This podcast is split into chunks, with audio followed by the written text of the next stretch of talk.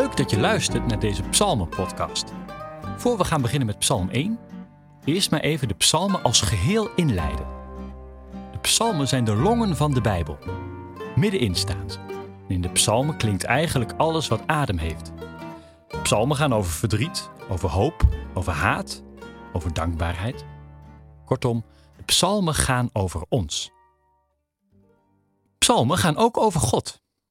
Psalmen geven niet weer hoe God precies in elkaar steekt, wat je van hem wel of niet kunt verwachten. En hoe verleidelijk ook, je kunt een losse tekst of een zin uit een psalm niet gebruiken om je dag wat op te fleuren of om al je twijfel dicht te plamuren. Nee, psalmen zijn gebeden en een gebed is een gesprek. Psalmen als gesprekken tussen God en mens.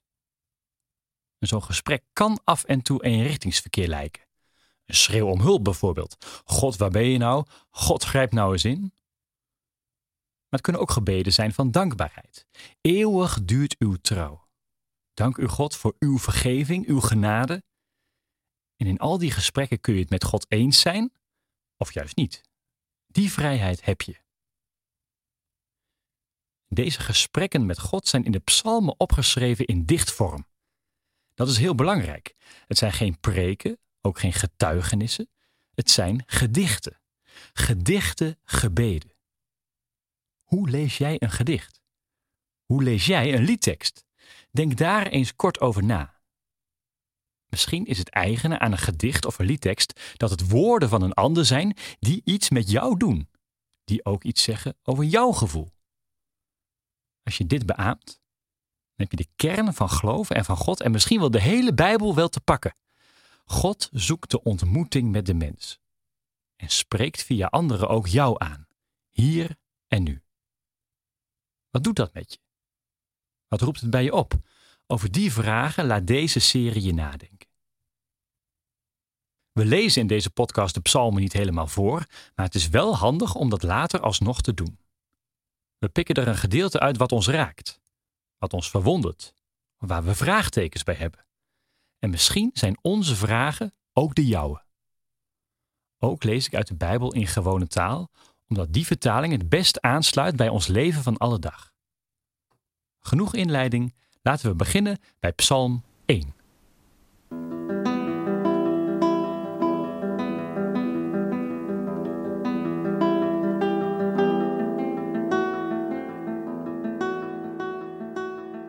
Psalm 1 Gelukkig is iemand die niet luistert naar slechte mensen, die nee zegt tegen hun verkeerde plannen. Als slechte mensen spotten met God, doet hij niet mee. Maar hij is blij met de wet van de Heer, daar is hij dag en nacht mee bezig.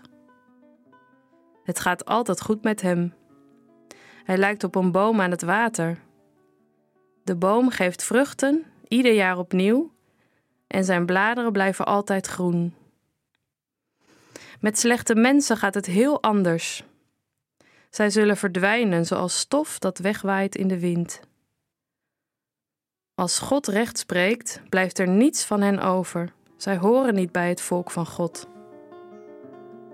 De Heer beschermt mensen die leven zoals Hij het wil. Maar met slechte mensen loopt het verkeerd af.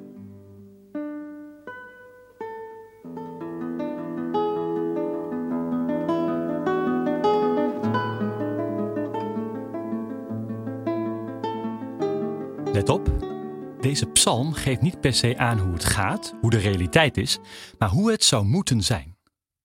Wettelozen die als kaf worden weggeblazen. Maar rechtvaardige mensen die ook rechtvaardige, goede dingen doen, zo zou de wereld moeten zijn.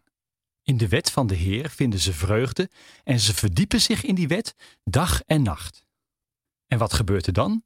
Hij zal zijn als een boom geplant aan stromend water, en op tijd draagt hij vrucht, zijn bladeren verdorren niet en alles wat hij doet komt tot bloei.